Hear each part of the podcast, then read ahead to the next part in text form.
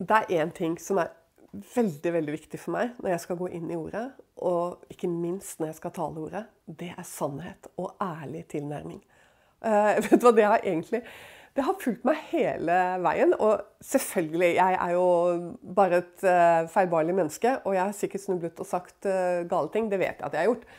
Men, men liksom Min innstilling er ærlighet og sannhet i forhold til Guds ord liksom ikke holde meg inne med den læren eller den læren eller sånn, eller prøve å tvinge noe fram som er min mening og sånn. Nei, nei, nei, nei, nei. nei. Bøye seg under ordet.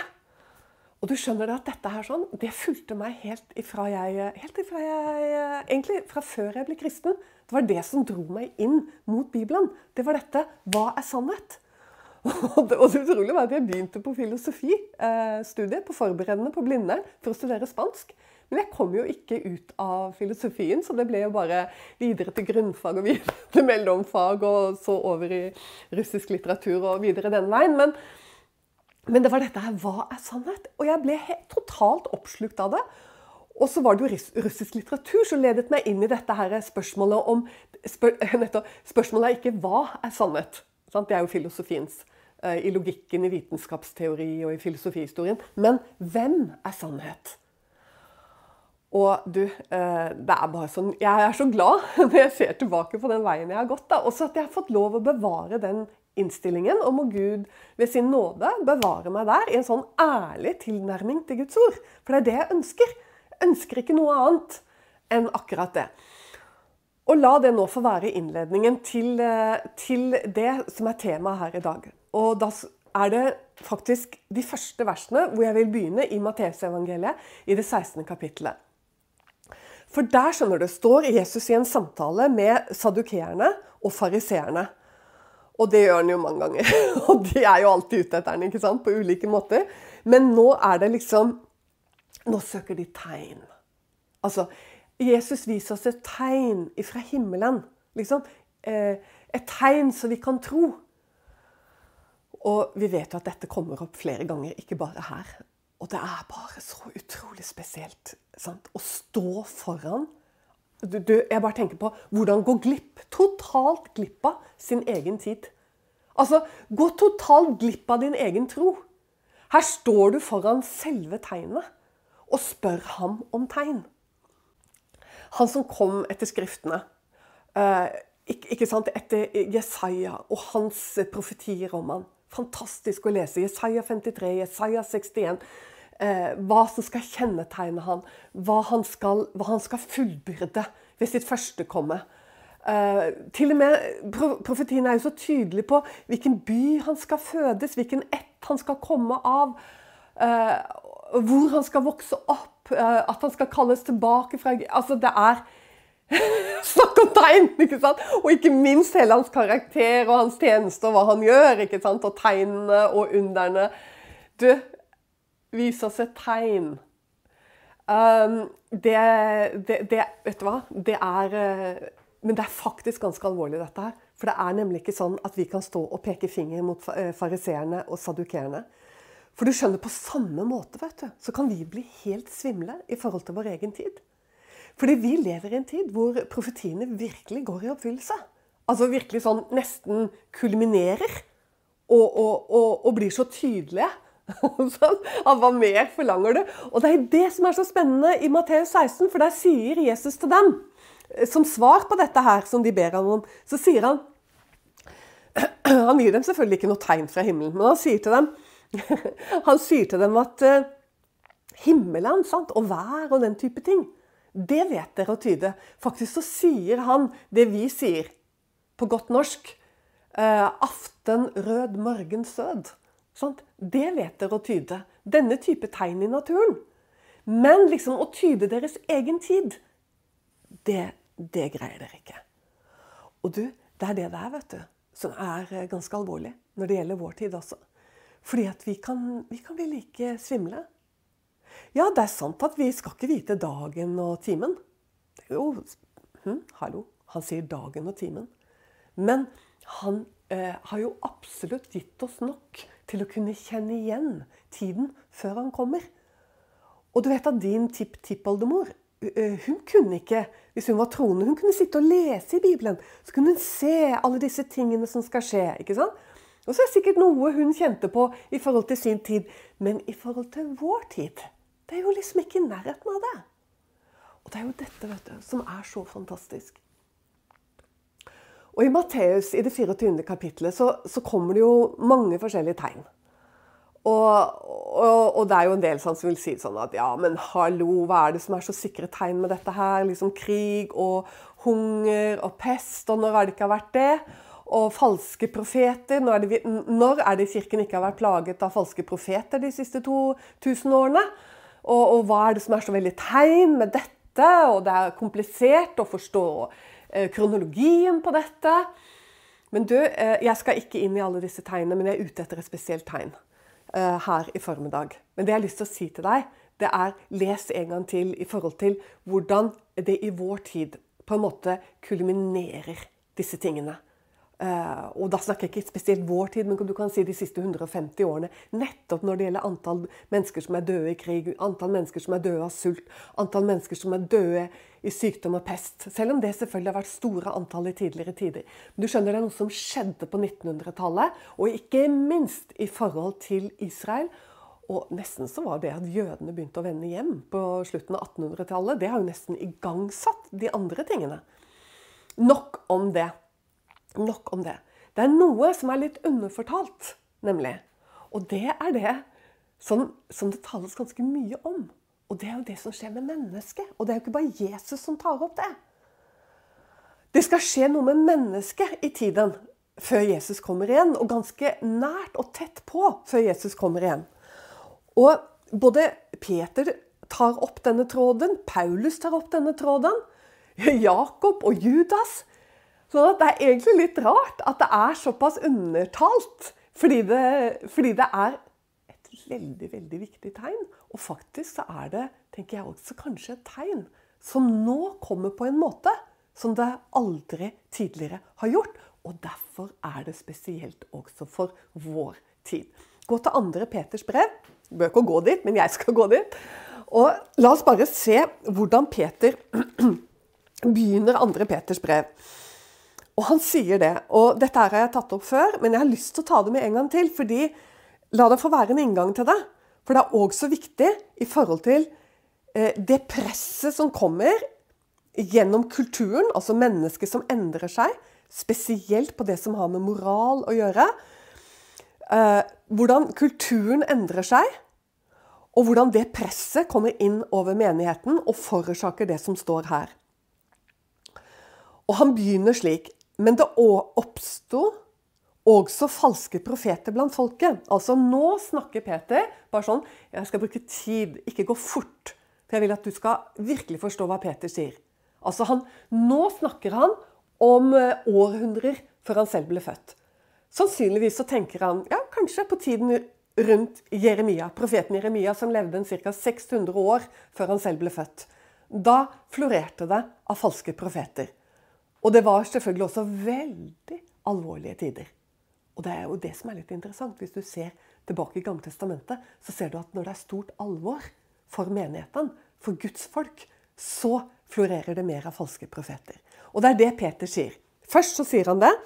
Men det oppsto også falske profeter blant folket. Og så sier han liksom det òg blant dere skal komme falske lærere. Ja, la oss stoppe. Det har de jo ikke bare gjort én gang. Det har de gjort opp igjennom. Og det har vært type falske lærer som Kirken opp igjennom har måttet ta tak i. Og på en måte Ja, ting har blitt presset ut av Kirken. Eh, ting, eh, det har blitt definert som sekter. Og selvfølgelig også så kom det innenfor. I en, eh, I en, viss grad så gjorde det jo absolutt det, og man fikk ikke sant, vrange lærdommer, som det står her. Det, det har vært i, opp igjennom i den katolske kirke. Og det vet vi. Virkelig vrange lærdommer. Men så står det 'som leder til fortapelse'. Ja, absolutt. Men så kommer det 'idet de endog skal nekte den herre som kjøpte den'. Og her begynner vi å komme over på et litt annet nivå. Og som fører, og de skal føre over seg selv, en brå fortapelse. Og mange skal følge dem etter i deres skamløshet, og for deres skyld skal sannhetens vei bli spottet.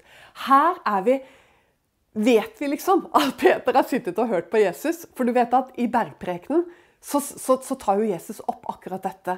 Mange ikke sant, skal følge disse falske lærdommene, sier han. Og mange skal komme til ham, sier Jesus, eh, eh, på den ytterste dag og si liksom Ja, men har vi ikke gjort liksom store tegn og under og sånn og sånn? Men når du leser videre nedover, så skjønner du at her er det noe, er det noe Peter får se inn i. En type urenhet som både kommer i kulturen i samfunnet, og en urenhet som sniker seg inn i menigheten. Og som blir greit, liksom, i menigheten. Og det blir jo da å fornekte den Herre som ble korsfestet som døde, og som tok på seg våre synder. Fordi han sier litt lenger ned, så begynner han å tale om Sodoma og Gomorra.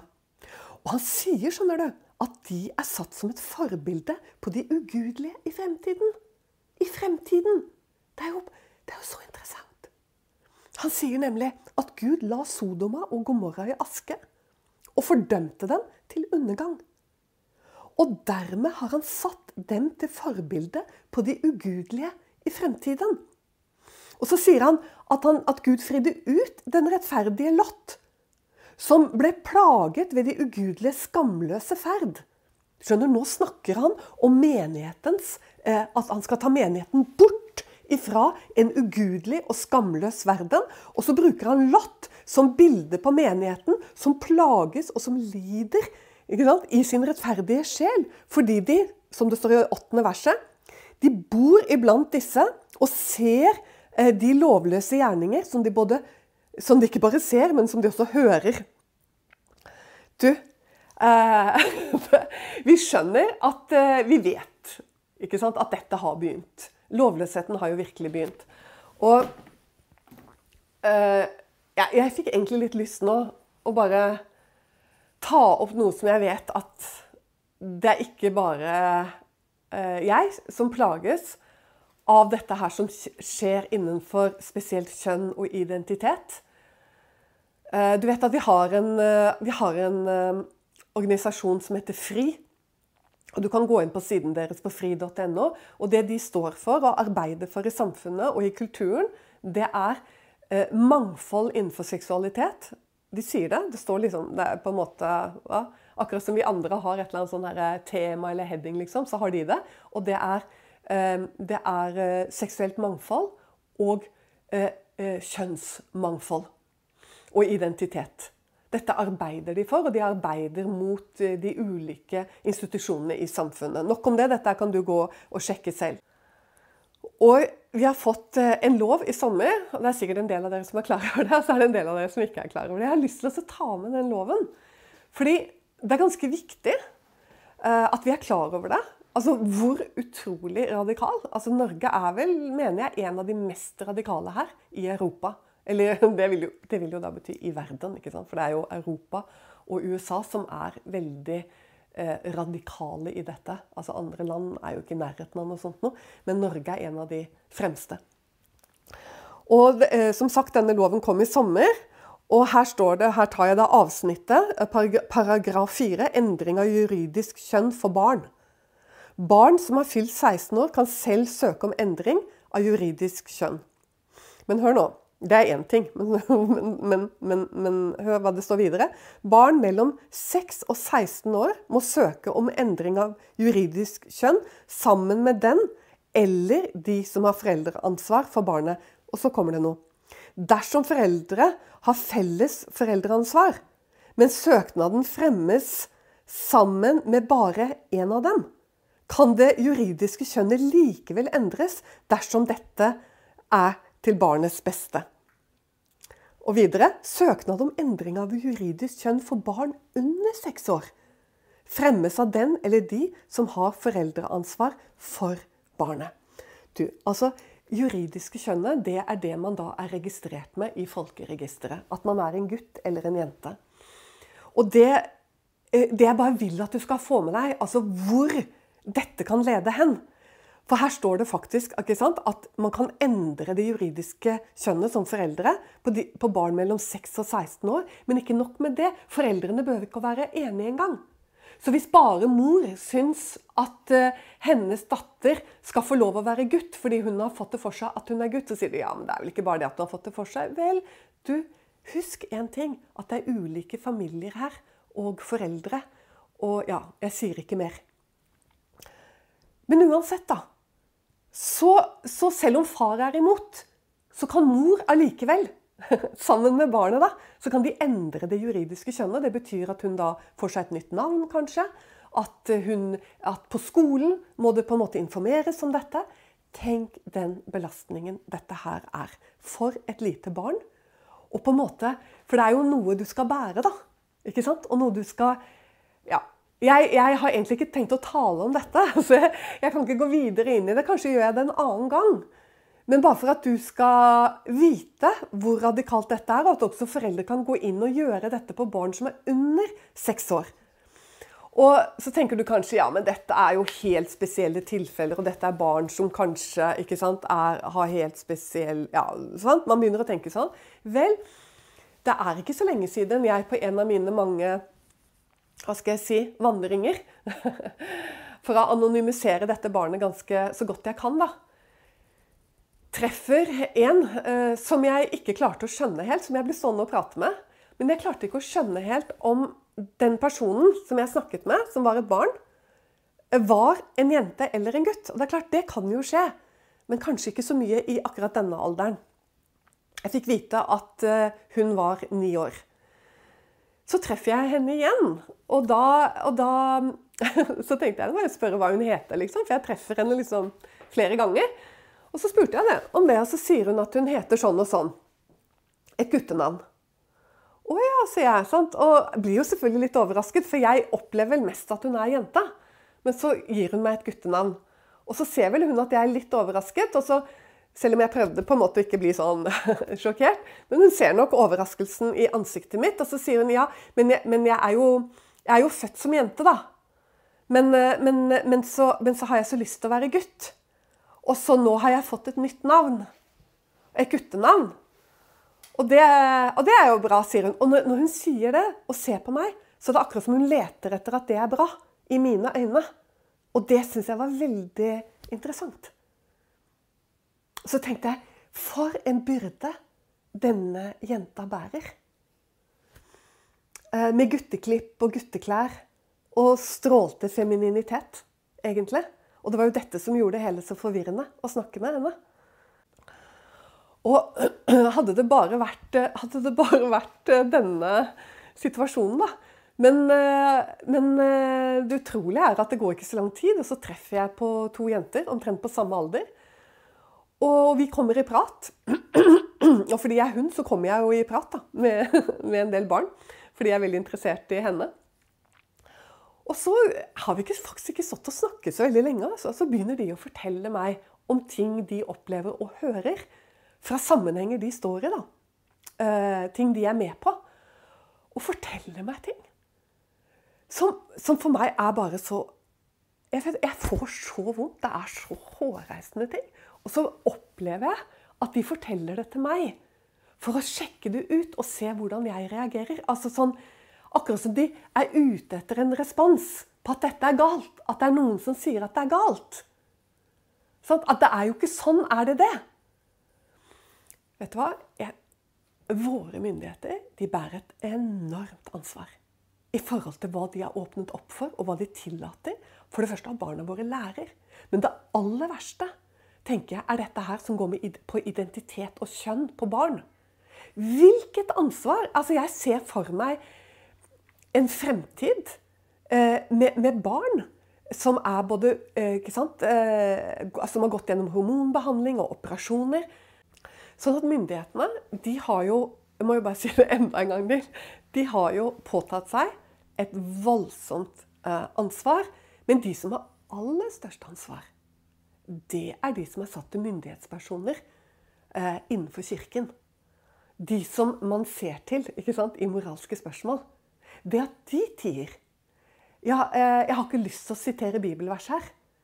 Men, men, men det er så fryktelig alvorlig. Og så stopper jeg her nå.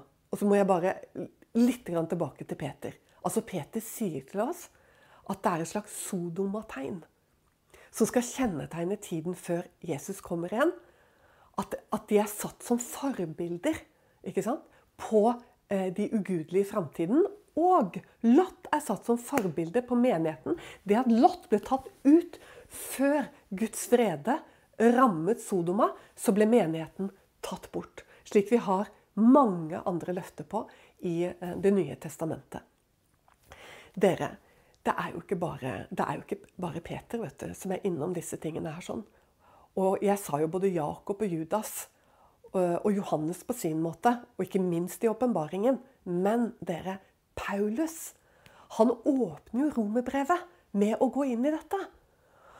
Og det, og det som er så spennende med Paulus, da, er at han, han, gir et, han, gir et, utgangspunkt for det. At det kommer. Altså dette at øh, at eh, det Paulus da i min 1930-oversettelse kaller sant, for uh, at menn vender den naturlige bruken sant, av kvinnen. Altså at Mennene vil ikke lenger ha seksuelt samliv med kvinner, men de brenner av lyst etter hverandre.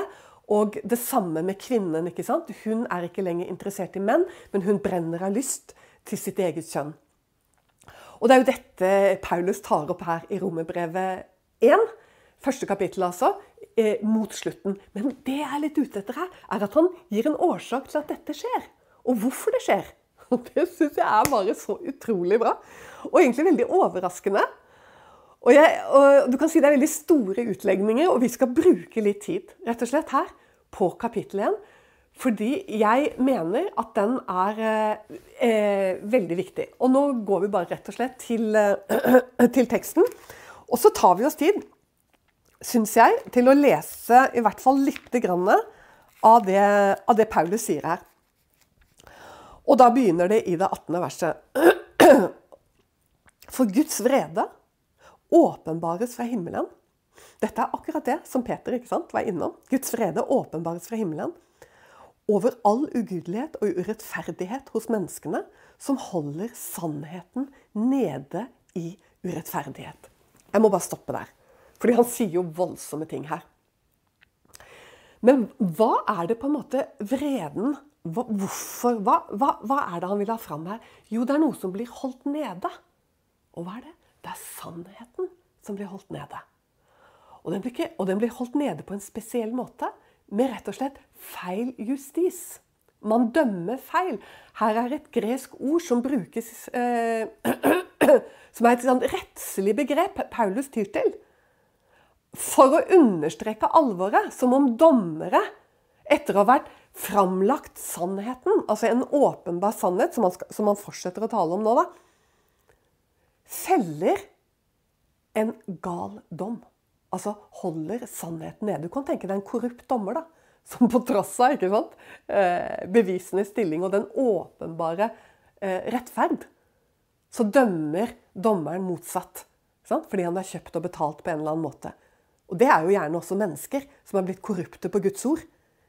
De er enten forført, altså eh, av ulike grunner, slik at de faktisk tror at det de holder på med, er bra. Det går an. Sant? At motivene deres faktisk er at de tror det de holder på med, er bra. Men så er det også mennesker sant, som, som, er litt sånn kjøpt og betalt. Da. Jeg har talt en del om det, nemlig dette her at det går an å unndra seg. Altså, Som menighet så trenger vi jo ikke å bli forfulgt. Fordi det er ordet i verden som blir forfulgt. Det er det å stå for Guds ord som skaper forfølgelse. Så Derfor så behøver ikke Guds menighet å bli forfulgt. Selv om Jesus sa 'har de forfulgt meg, skal de forfølge dere'. Og alle som vil vandre gudfryktig, skal bli forfulgt. Og mange, mange andre tekster i Det nye testamentet. Det behøver ikke å skje.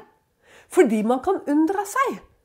Så man slipper forfølgelse og problemer. Og det kan også være de skjulte motivene og åpenbare motivene i de som jobber med teologier for å tilpasse menighetens teologi mot samfunnets kultur. Og det er jo det som foregår i dag. Det er mennesker som arbeider med ny teologi innenfor frikirkeligheten. Som om vi må, ha, vi må også ha et svar, liksom. Kirken har kommet med sitt svar. Nå må vi komme med vår teologi, liksom. Må vi det? Ja, det er klart Hvis vi ønsker å bøye av og tilpasse oss eh, kulturen, samfunnets kultur, så må vi det. Men se her, hvor snoket det er. Og husk hva som sto i Peters brev. La oss bare, Vi skal dvele litt nå. Husk hva som sto i 2. Peters brev i begynnelsen. Det står at det kommer lærere som hemmelig ikke sant? Eh, hemmelig innfører vrange lærdommer. De gjør det i hemmelighet. Altså Det er noe som skjer mens holdt på å si, vi andre sover. Det virker så fint. De snakkes masse om kjærlighet og omsorg. Og, det, og, da må jeg bare igjen ta en liten parentes. Fordi Jesus sa jo det at pga. lovløshet så blir kjærligheten kald. Altså, Man snakker om kjærligheten, men det er en kald kjærlighet, sier Jesus, fordi den er lovløs. Den er, den er løsrevet fra Guds ord. Altså, er, Det er menneskets vei, dette her. Og tilbake til Peter. Altså, de, de innfører det hemmelig. Og det er litt morsomt å se det engelske ordet som, som eh, de, de, engelske biblene har brukt, i hvert fall flere av dem, for å oversette det greske ordet for dette å hemmelig innføre. Og det er det man, eh, samme ordet da, som man har brukt i senere tid for det vi kaller for stelt steltfly. Og det er det mange av dere som vet hva er. Og det er fly som på en måte kan gå, un som kan gå under radaren. Fly som har en helt spesiell teknologi, så de blir ikke oppdaget av ulike typer ja, infrarødt lys og ikke sant? Jeg kan ikke alt dette her, og radarer og sånn. Og de blir heller ikke hørt. Altså det er, de, de kommer hemmelig inn.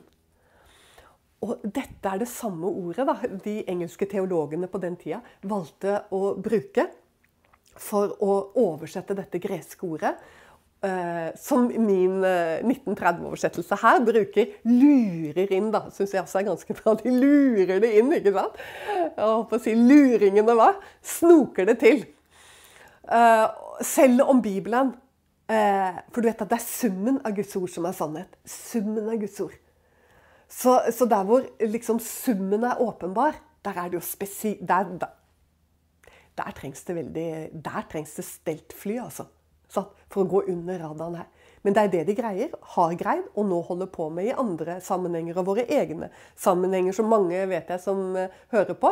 Som tilhører frikirkeligheten, eller kanskje tilhører du ikke noe kirkelighet i det hele tatt. Men uansett. Dette skjer, og er på full gang. Og påvirker mange. Det blir blir interessant å følge med og se hvor mange som kommer til å følge etter dette. Sånn at det Paulus gjør, da, igjen, han sier noe om eh, hvorfor det skjer i samfunnet og i kulturen i Romerbrevet 1. Og han sier eh, videre om dette å holde sannheten nede i urettferdighet. Og da er han ute etter noe helt spesielt. Og det syns jeg er så bra. Og det er nemlig det å fornekte Guds eksistens. Altså, Han går helt til det og sier dette er opphavet til at mennesket blir så dårlig i tanken, sier han. Det er sånn det, det oversettes. Altså dårlig i tanken. Eller tom i tanken, står det noen steder. Eller fattig. At eh, du kan si at man da kommer inn i denne, som jeg allerede har beskrevet, mer og mer Sodoma-virkeligheten. da. Og hva som skjer med mennesket i forhold til seksualitet, og sikkert også dette med identitet og kjønn. Men det er jo ikke Paulus innpå, men han er innpå det som skjer med seksualitet. Men opphavet, sier han, det er det at eh, for, Det er jo interessant. For man må jo på en måte først miste gudsfrykten. ikke sant? Man må på et vis ha parkert Gud. I hvert fall delvis.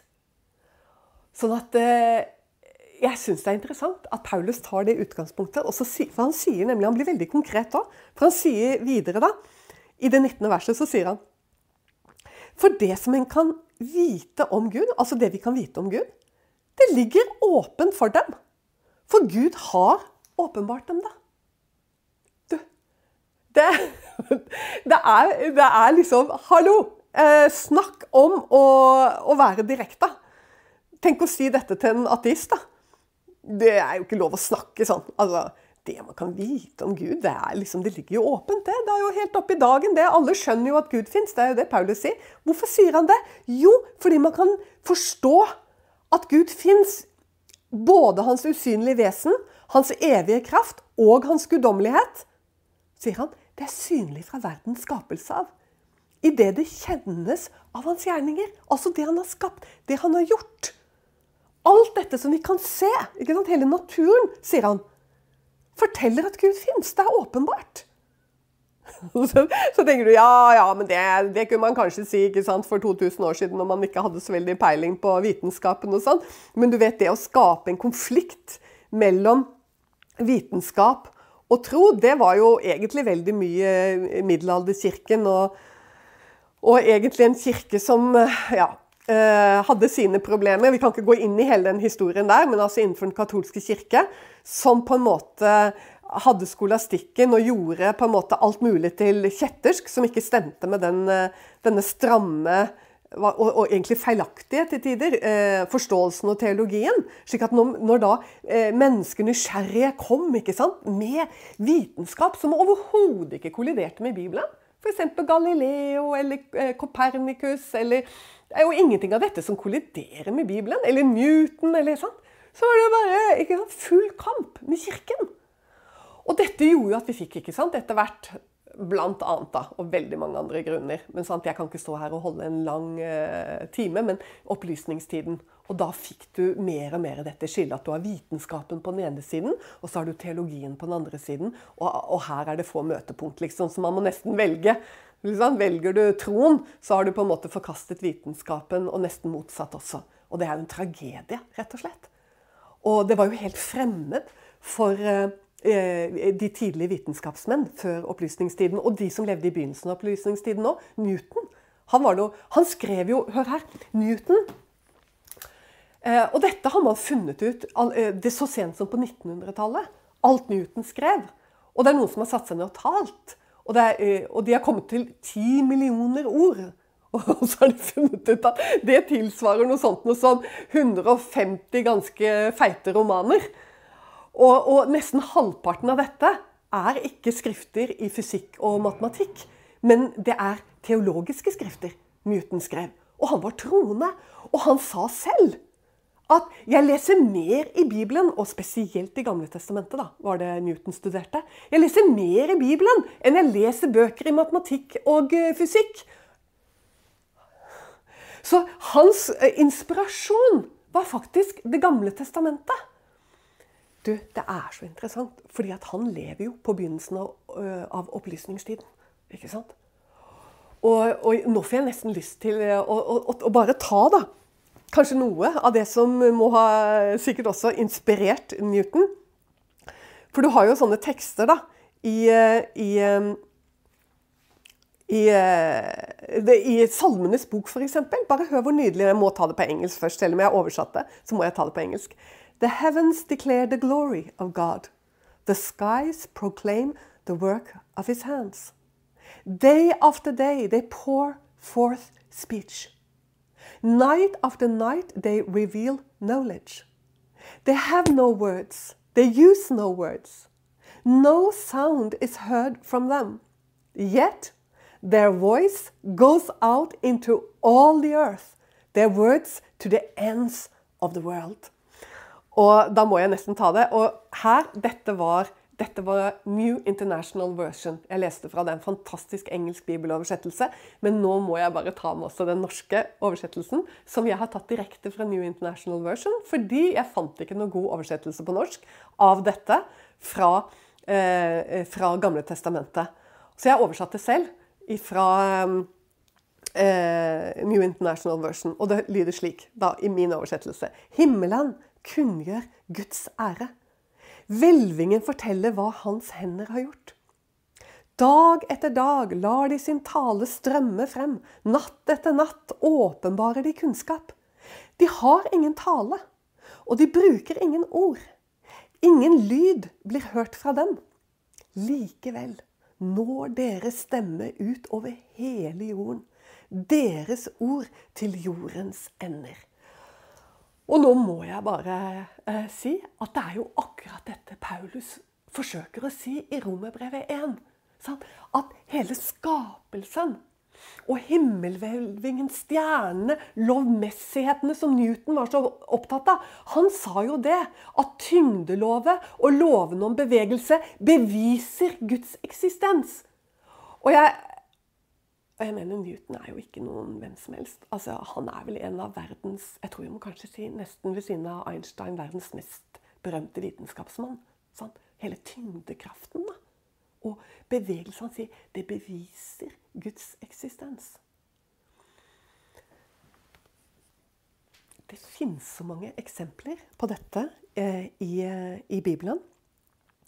Og, eh, og, du, bare, nå skal jeg bare lese noe for deg. For dette klarer ikke jeg å huske i farta. Men altså, Gali, Galilei Galileo han levde på slutten av 1500-tallet og begynnelsen av 1600-tallet. Altså før, eh, før opplysningstiden satte inn for fullt. Og han mente, i likhet med Paulus Johannes og Kepler, som levde på 1500-tallet, og Isaac Newton, og mange flere, at Gud tilkjennegir seg nettopp igjennom naturen.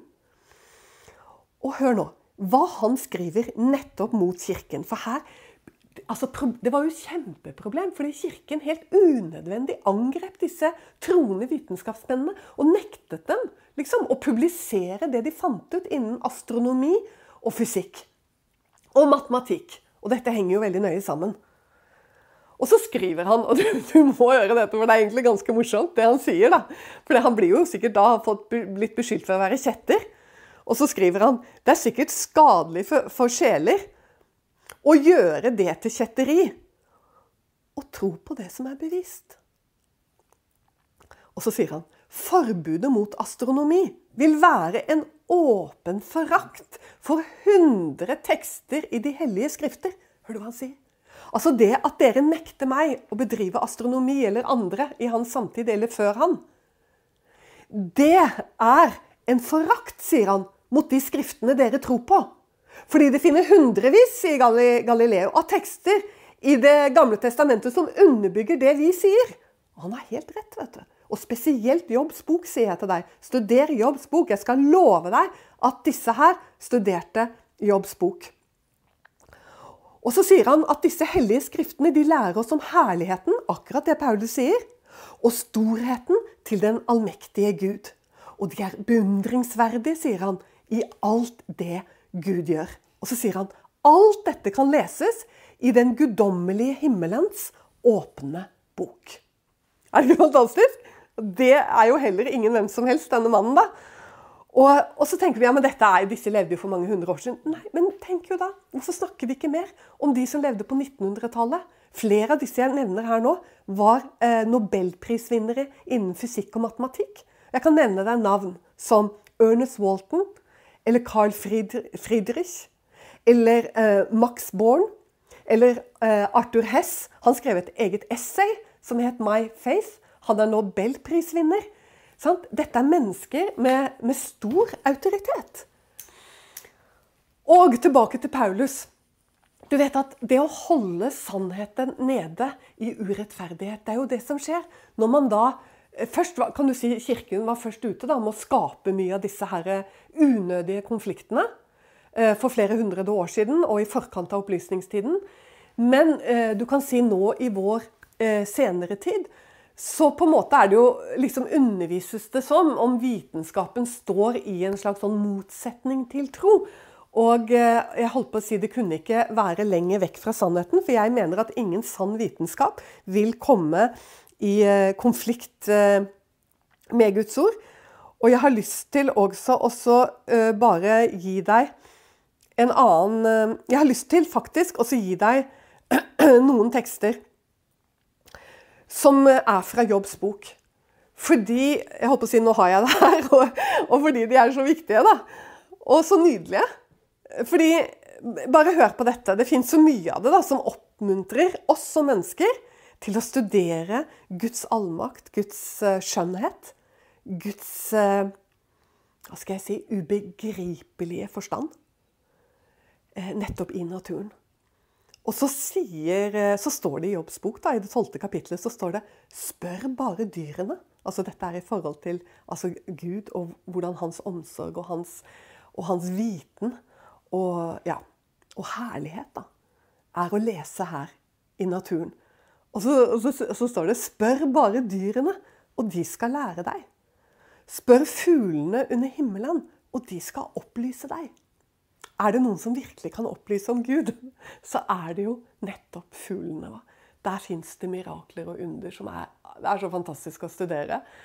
At eh, jeg mener du skal bare for å, ja, du skal være bra tett, altså. For ikke skjønne at det er en Gud som står bak dette, når du studerer fuglene under himmelen. Og de skal opplyse deg, sier Bibelen. Snakk med jorden, og den skal lære deg. Fiskene i havet, ja, de skal fortelle.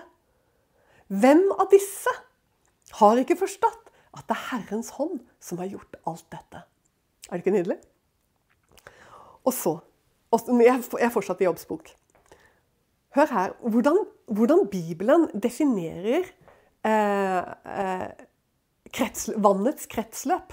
Mange, kanskje så mye som 3000 år før vitenskapen eh, beskriver samme fenomen. Vannets kretsløp på jorden beskrives i Jobbs bok. Og det er klart at her har jo vitenskapsmenn ah, sant? De har sett det. Og så har de fått lov til å utvikle det videre. Mange av dem har lest i Bibelen. Han er den, Gud altså, Gud er den som drar opp vanndråper. Og som former regnet til tåke. Og som lar skyene dryppe ned og lar det strømme rikelig over menneskene. Det som beskrives her, er vannets kretsløp, og det tok jo lang tid før det ble beskrevet innen vitenskapen. Og slik står det i et leksikon hvis du leser i dag. Fuktighet stiger opp som vanndamp fra havet eller jorda og kondenserer i kaldere luftlag til dugg og skyer, for deretter å falle tilbake til jorden som nedbør. Det er vannets kretsløp. Og hør videre. Dette er bare noen, noen få eksempler. Hvilken vei Altså nå er det Gud som utfordrer eh, og det er, Jeg er litt usikker på om det er gjennom Elihu eller om det er Gud selv som er i direkte tale. Jeg mener at her er det Gud i, liksom da, ikke sant? i direkte tale til jobb. Altså, Jobb hører Gud taler til han ikke sant? ut av denne stormvinden. Og som utfordrer han, og som demonstrerer sin makt, sin allmakt. Og så sier han, og det er en av mange mange ting Gud sier til Jobb. Hvilken vei tar lyset når det brytes? Hallo.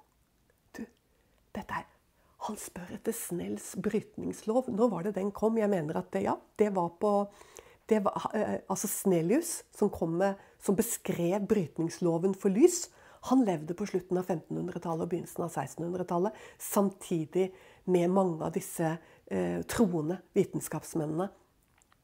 Men i Jobbs bok, da, som er skrevet Man er jo usikker på Jobbs bok. Mener, mange Eh, mange teologer mener at det er kanskje den eldste boken i Bibelen. Så, så dette her kan være skrevet 3000-4000 år ikke sant? Før, før Snelius beskriver det som Gud liksom, skjønner du, nærmest hoverer litt med. deg, Og sier 'Hvilken vei tar lyset når det brytes?' Er det rart at Newton satt og leste i Det gamle testamentet. Og så, og så sier også Gud Eller østavinden, når den sprer seg utover jorden. Er det interessant? Ja, det er veldig interessant. For det tok også enda lengre tid før det ble beskrevet av vitenskapen. Og du, det, det var en som het eh, Coriolis. Han fant svaret på gåten i 1835. Hva var det han, var det han fant ut? Jo, han oppdaget at det var en sammenheng mellom jordas rotasjon og hvordan vindene sant, som går nord-syd, bøyer av i øst-vest, vest-øst. Fordi eh, jorda roterer rundt seg selv. Det skjønte man jo ikke, ikke sant? I tidligere tider. Men hallo! Altså, Gud vet jo han har skapt dette her, og han skryter av det. Får jobb, ikke sant? Skjønner du hvordan østavinden sprer seg. Østavindens vinder sprer seg utover jorden. Det skjønte de ikke på 1600- og 1700-tallet noen ting av. Men det skjønner man nå, fordi man vet at dette skjer fordi jorda roterer rundt sin egen akse. Bibelen er full av dette her. Bare et, enda et eksempel. Han holder våre synder langt borte fra oss, står det i Bibelen. Liksom Østen ifra Vesten. Det er jo Det er jo godt han ikke sa liksom nord ifra syd, for der har vi jo to polpunkter som faktisk kan måles. Men østen fra vesten, hva? Det blir jo uendelig. Så det betyr at de aldri møtes. Ja. Eh, det, det, er så mye sånne spennende ting. Og tilbake dere til nå. Avslutning.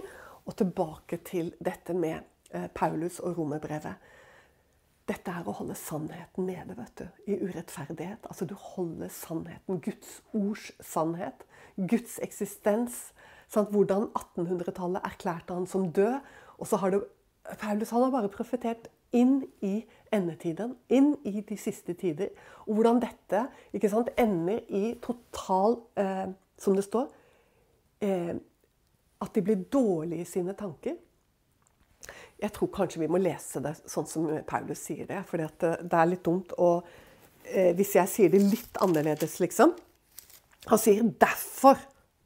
Nå har vi gjennomgått alt dette her, bevisene sant, på at Gud Som han sier i det 19.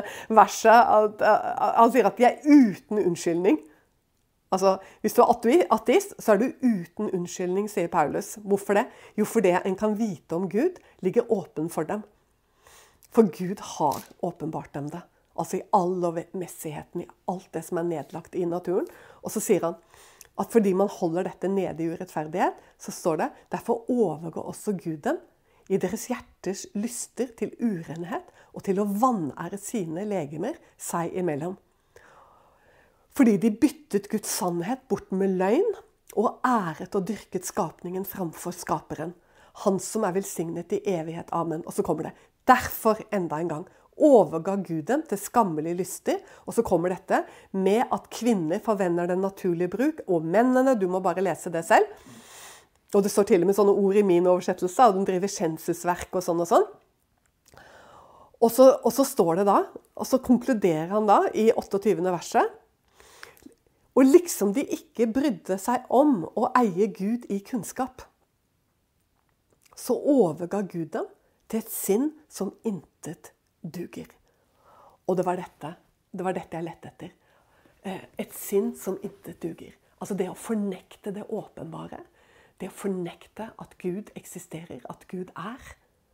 Det er noe som leder til videre.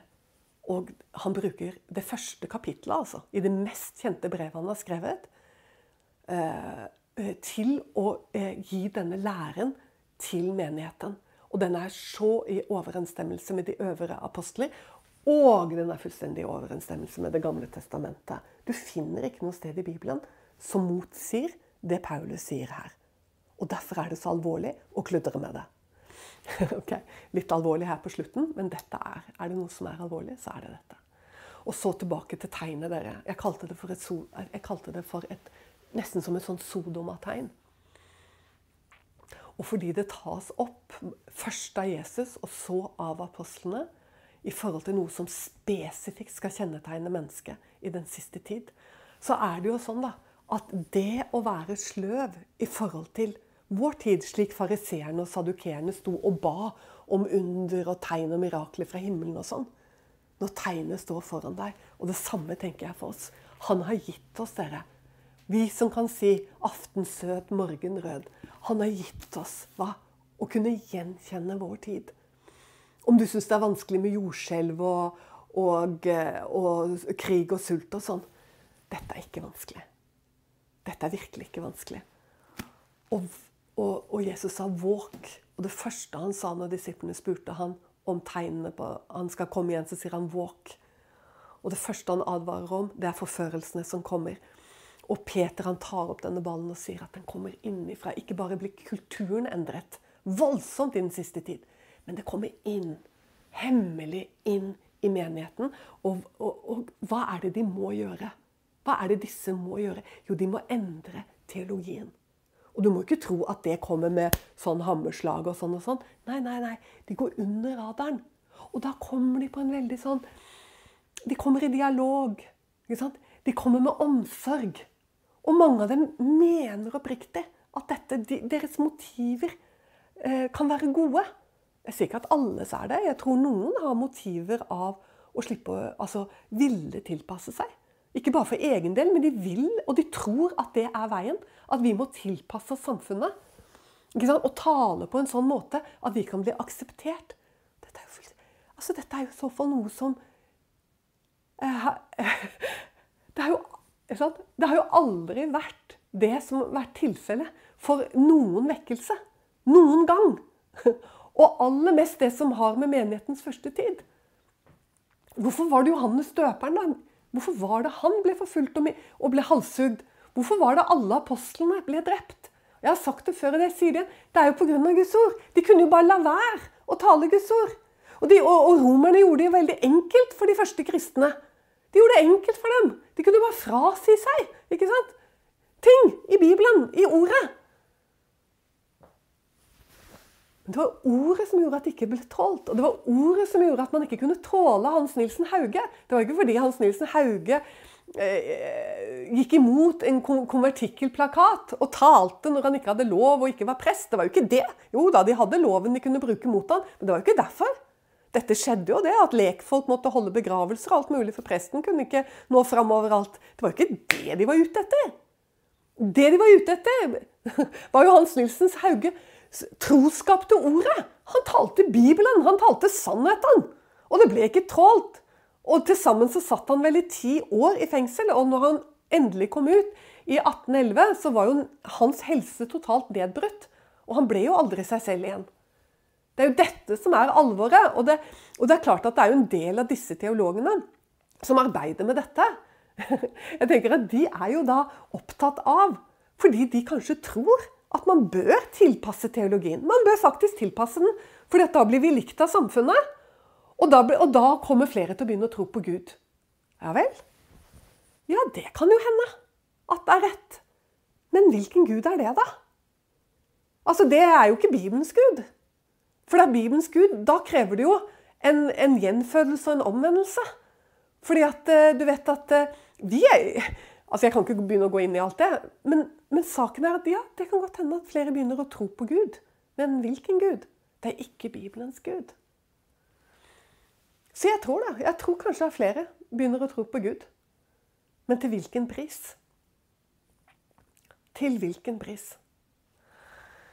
Ja Dere, eh, jeg eh, vi lar, det, vi, lar det, vi lar det bli stående nå. Og så gjenstår det for meg, som alltid, å bare si til deg Gud velsigne